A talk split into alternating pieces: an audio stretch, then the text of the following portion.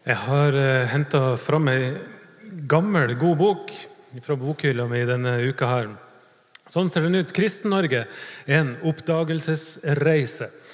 Den er skrevet av Didrik Søderlind, som jobber og er aktiv i Human-Etisk Forbund. Han er også spaltist i Vårt Land. Og han er vel den jeg har møtt i livet mitt tror jeg, som er mest interessert i religiøse spørsmål. Flott fyr som bl.a. har vært med og skrevet 'Presten og ateisten' sammen med Stian i Subchurch, en av våre gode venner. Dette bokprosjektet her, det handler om å få oversikt over mange ulike retninger innenfor kristendommen. Så Derfor ville han oppsøke masse menigheter, trossamfunn i Norge og snakke med kristne av alle slag. Og Det gjorde han, og samla det i denne boka. Og I forordet så skriver han det at han er åpen for å begynne å tro. Han tror ingenting på, dette, her, men han er åpen for at kanskje han skal begynne å tro. Hvis han finner noen menigheter som har bedre grep om livets mysterier, om etikkens utfordringer enn det han sjøl har, ja, da er det greit. Da skifter ståsted. Da begynner jeg å tro. Hele veien så holder han muligheten åpen for å komme hjem som en nyfrelst kristen, skriver han, med et voldsomt behov for å frelse vennene mine, familien min og arbeidskollegaene mine. Det er prosjektet. Fint utgangspunkt, spør du meg. Så drar han rundt. da. Han er i Philadelphia, han er jo rett ned i gata her. Og så faller han pladask for lovsangen. Det er jo søtt. Han besøker Subchurch de gode vennene våre. Han eh, besøker læstadianere oppe i nord med spørsmålet hvorfor er gardina synd? Han eh, går til nattverd i Lambertseter kirke. Han besøker katolikker. Og så reiser han ned til Egersund. Jeg vet ikke om noen av dere er fra Egersund, men der fant han tre av de særeste kirkesamfunnene jeg noen gang har hørt om. De har brutt med alt og alle. Og de har i hvert fall brutt med hverandre. Det ene heter Menigheten Samfunnet. Det andre heter Det alminnelige samfunn. Og det tredje heter Det alminnelige lutherske samfunn. Disse tre er ikke spesielt glad i hverandre. Men de har én ting til felles, og det er at alle tror at de er den eneste menigheten i hele verden som er sanne kristne. Det er ganske frimodig. Og disse her, de driver ikke med misjon. De driver ikke med evangelisering. og Grunnen til det er at de er redd for at det skal komme folk fra utsida og inn til dem, for da kan kanskje læra bli forandra. Så de holder alle på armlengdes avstand i frykt for at noen skal forandre noen ting som helst. Det er slektningene våre. Bare si det. Det er to episoder i denne boka som gjør inntrykk på meg mer enn andre ting. Den ene episoden er når Didrik Søderlind er i Bærum. og Så besøker han en liten gjeng mormonere. Dere har sikkert sett disse mormonerne som ofte går i mørk dress. og Så har de sånne skilt på brystet hvor det står 'Eldste John' eller 'Eldste Mark' eller et eller annet sånt. Og en ting er at Han oppdaga at alle mormonske misjonærer de kjører rundt i en Polo. Altså en Volkswagen Polo. Og det er helt sant, fordi Den amerikanske ledelsen i Salt Lake City har en gang sagt at dette er vår anbefalte bil. Så når man sier det i Salt Lake City, så blir det sånn også i Bærum. Det er en digresjon, for så vidt, men det syns Didrik var en artig observasjon. Jeg deler den altså. Men det skjedde noe her som ikke skjedde noe annet sted han besøkte. For menigheta var samla for å be. Og Da de var samla for å be, så spurte de Didrik har du lyst til å være med og be. De utfordra humanetikeren til å utforme sin egen bønn. Og vet dere hva? Didrik han ble ikke fornærma. Han ble ikke flau.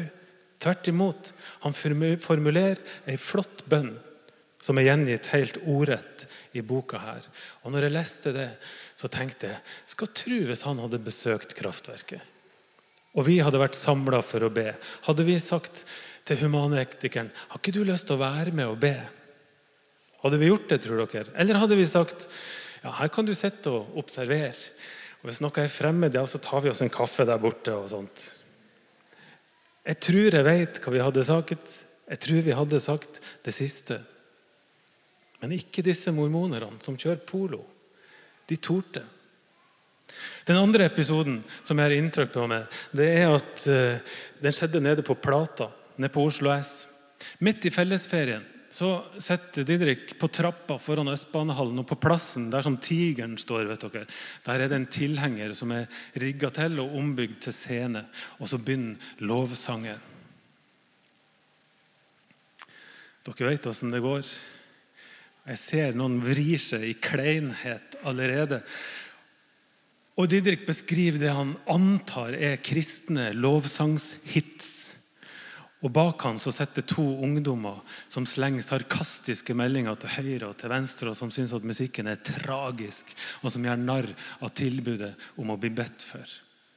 Og Didrik skriver at jeg er jo egentlig en av disse to ungdommene, for jeg bruker å slenge dritt om dette, her, og i beste fall så går jeg bare forbi. Men nå sitter her, og jeg klarer ikke annet enn å beundre de som er på scenen. Han beundrer dem fordi han syns de er så modige.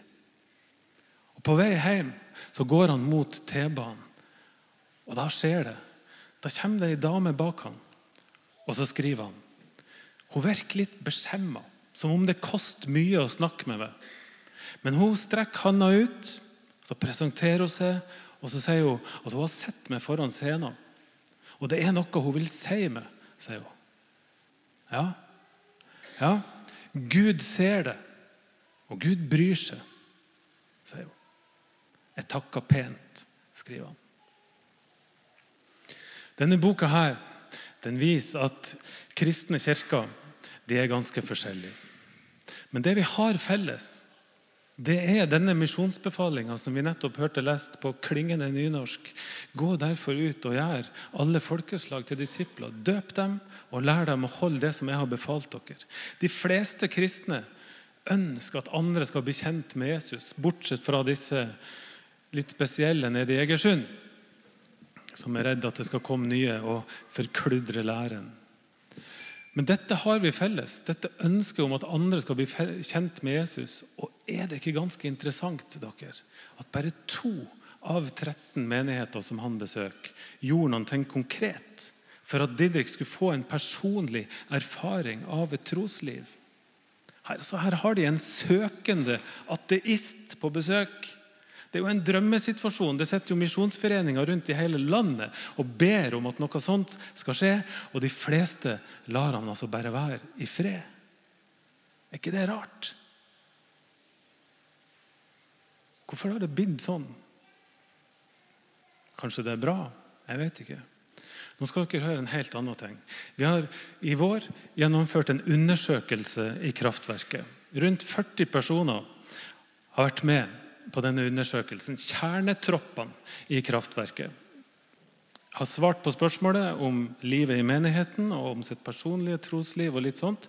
Tre kriterier for å bli invitert med. Det ene er at du går i husgruppe. Det andre er at du har en fast tjeneste her.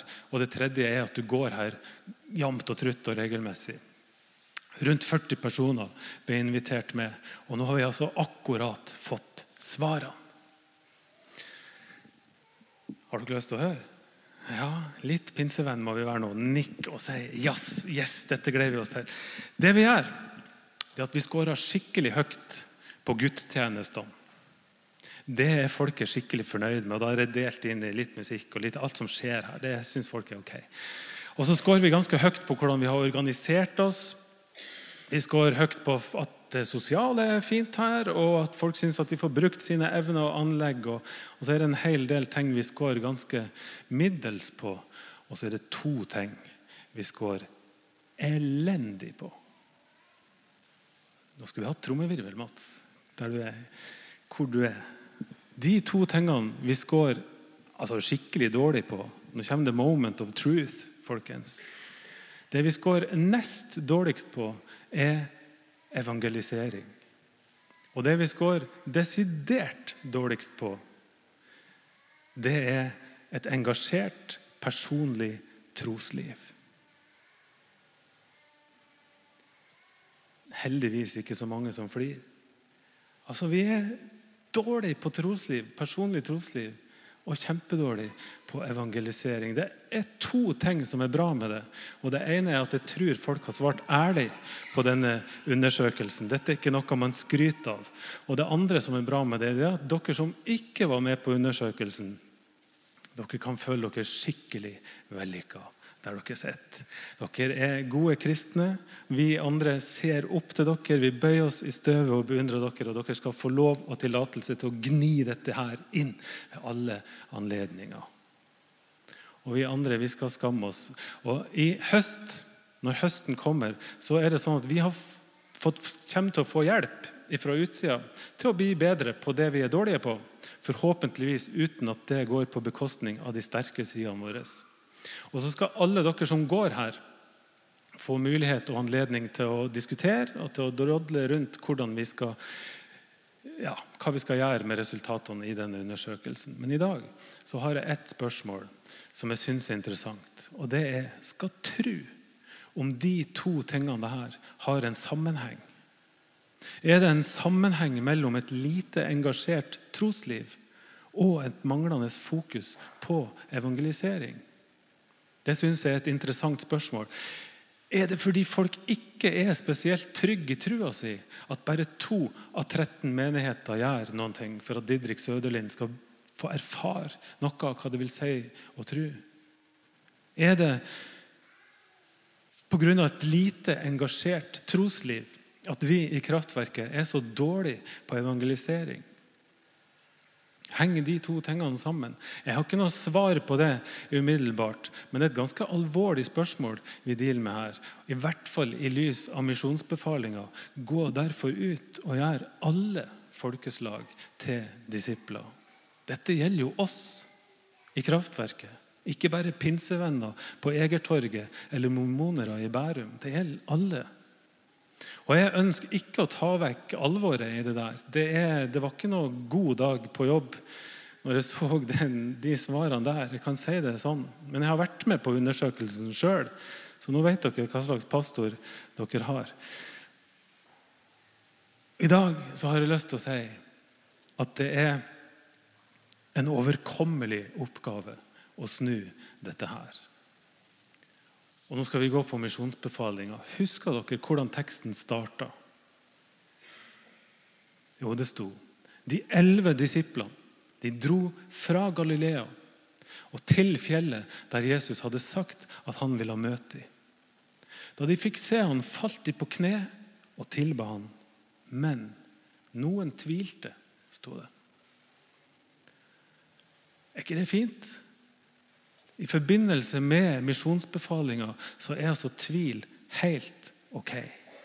Det er plass til tvil også der det er misjonsbefaling. Det å spre evangeliet det krever ikke at vi er på høyden hele tida. Og den som tviler, har også fått dette oppdraget. Situasjonen var sånn. Elleve helt vanlige menn. Altså, Det var fiskere. Det var håndverkere.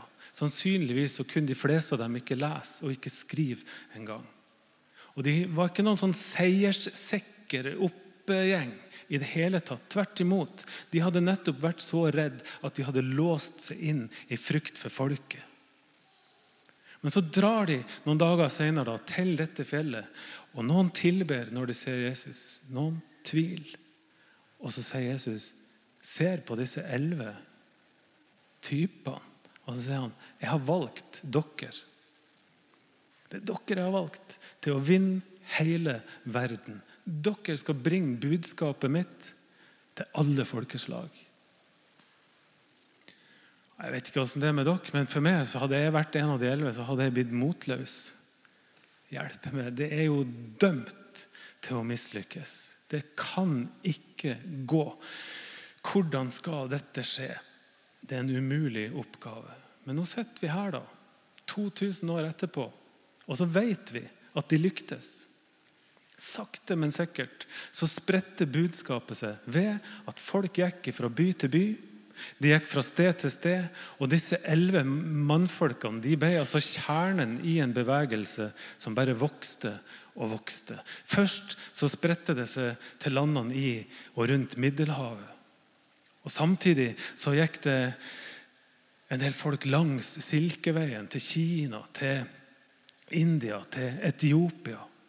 Etter noen hundre år så er altså budskapet spredt over store deler av verden. og Noen drister seg til slutt til og med helt opp i nord, der som vi bor. Noe av det mest usiviliserte som fantes, og kanskje finnes. jeg vet ikke.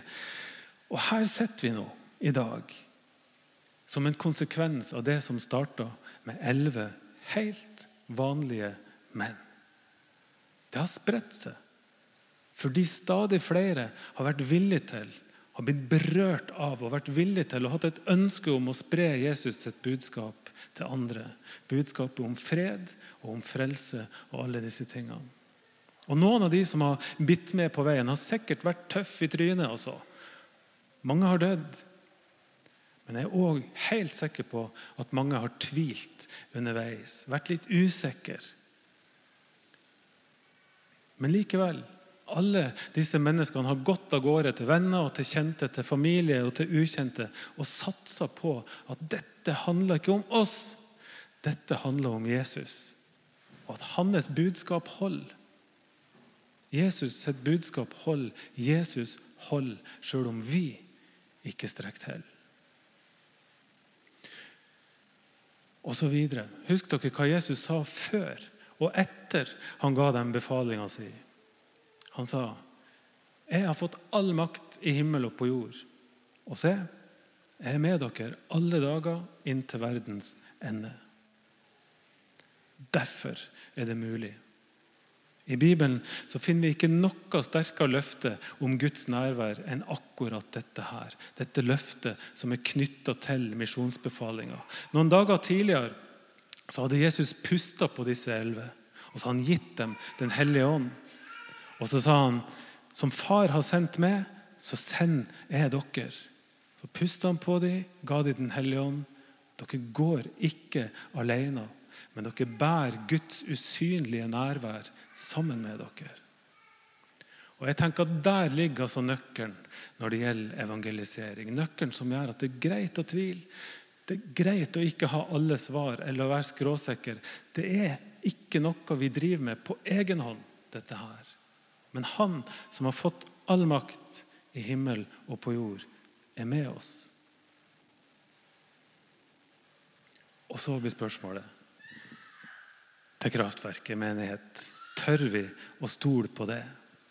At Han som har all makt i himmel og på jord, er med oss?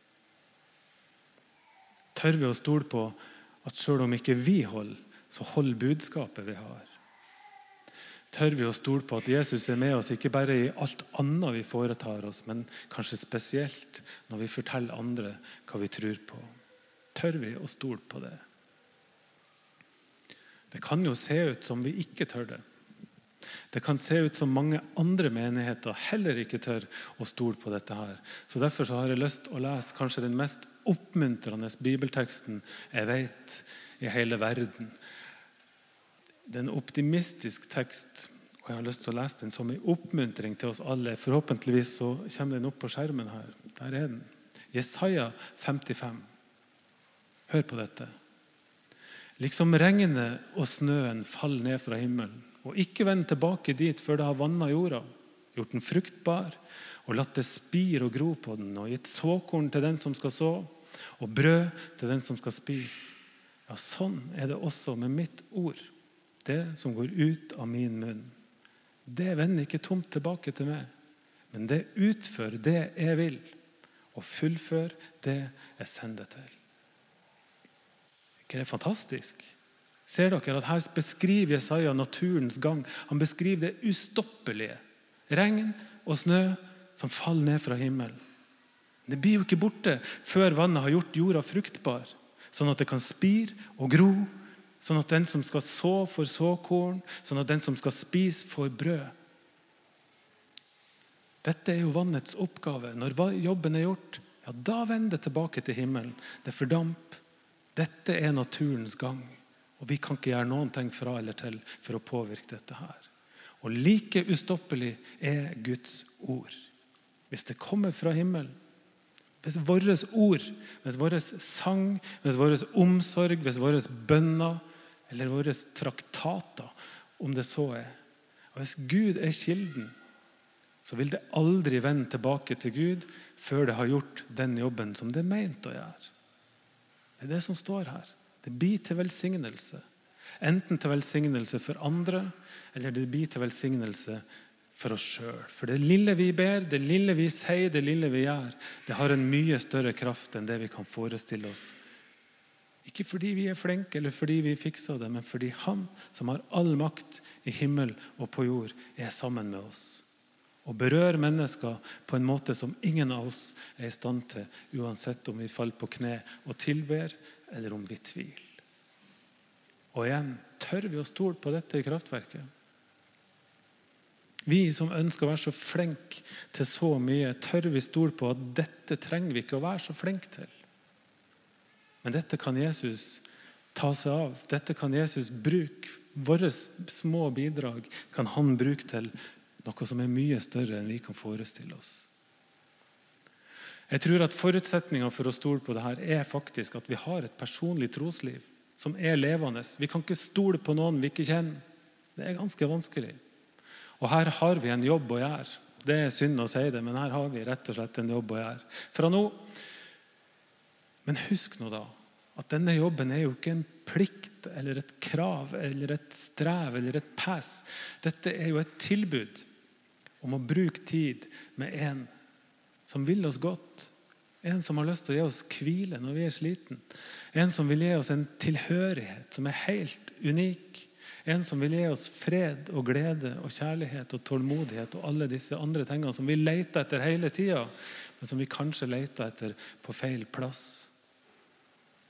Dette er et tilbud om å bruke tid sammen med Han som elsker oss over all forstand, og som tilbyr oss et evig liv sammen med Han. Det er jo ikke et strev, men det er en glede, dere. Gud ser det, og Gud bryr seg.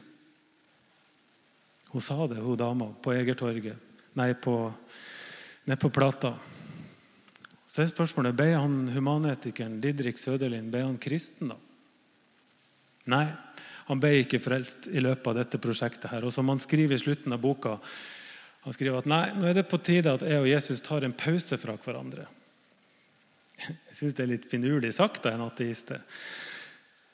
Men likevel så tror jeg at disse ordene som denne dama sa, de vender ikke tomhendt tilbake. Om ikke annet så har disse ordene i hvert fall gitt meg ei tro på at det skal ikke så mye til. Gud ser det. Gud bryr seg. Det kan jeg òg si. Det kan jeg klare. Såpass kan jeg klare. Og såpass tror jeg jammen dere også kan klare. Og hvem vet hva resultatet blir av det? For Jesus gjør resten. Jesus får bruke det til noe stort. Men kanskje, hvis vi tar fram det motet der, at det også gjør noe med vårt personlige og engasjerte trosliv. Det er min bønn. Det er høstens prosjekt. Jeg håper dere står han av i sommer og kommer tilbake hit når høsten kommer. Det vil si vi har en søndag til før vi tar ferie. Men jeg håper dere er med her i høst. Og så skal vi fokusere på disse tingene her. Skal vi be? Jesus, takk at du aldri ber noen om å gjøre noen ting som vi ikke klarer. Takk at du elsker hver enkelt i rommet her, og at du elsker alle i denne byen. Og takk, Jesus, at dine nyheter er gode nyheter. Budskapet ditt er et godt budskap. Og det å tilhøre det, det er en glede og en gave. Det er ikke et stress og et slit.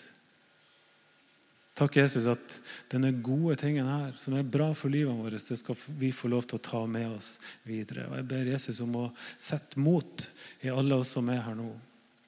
Et mot i oss som sier at budskapet ditt holder. Din kraft holder, sjøl om vi ikke gjør det.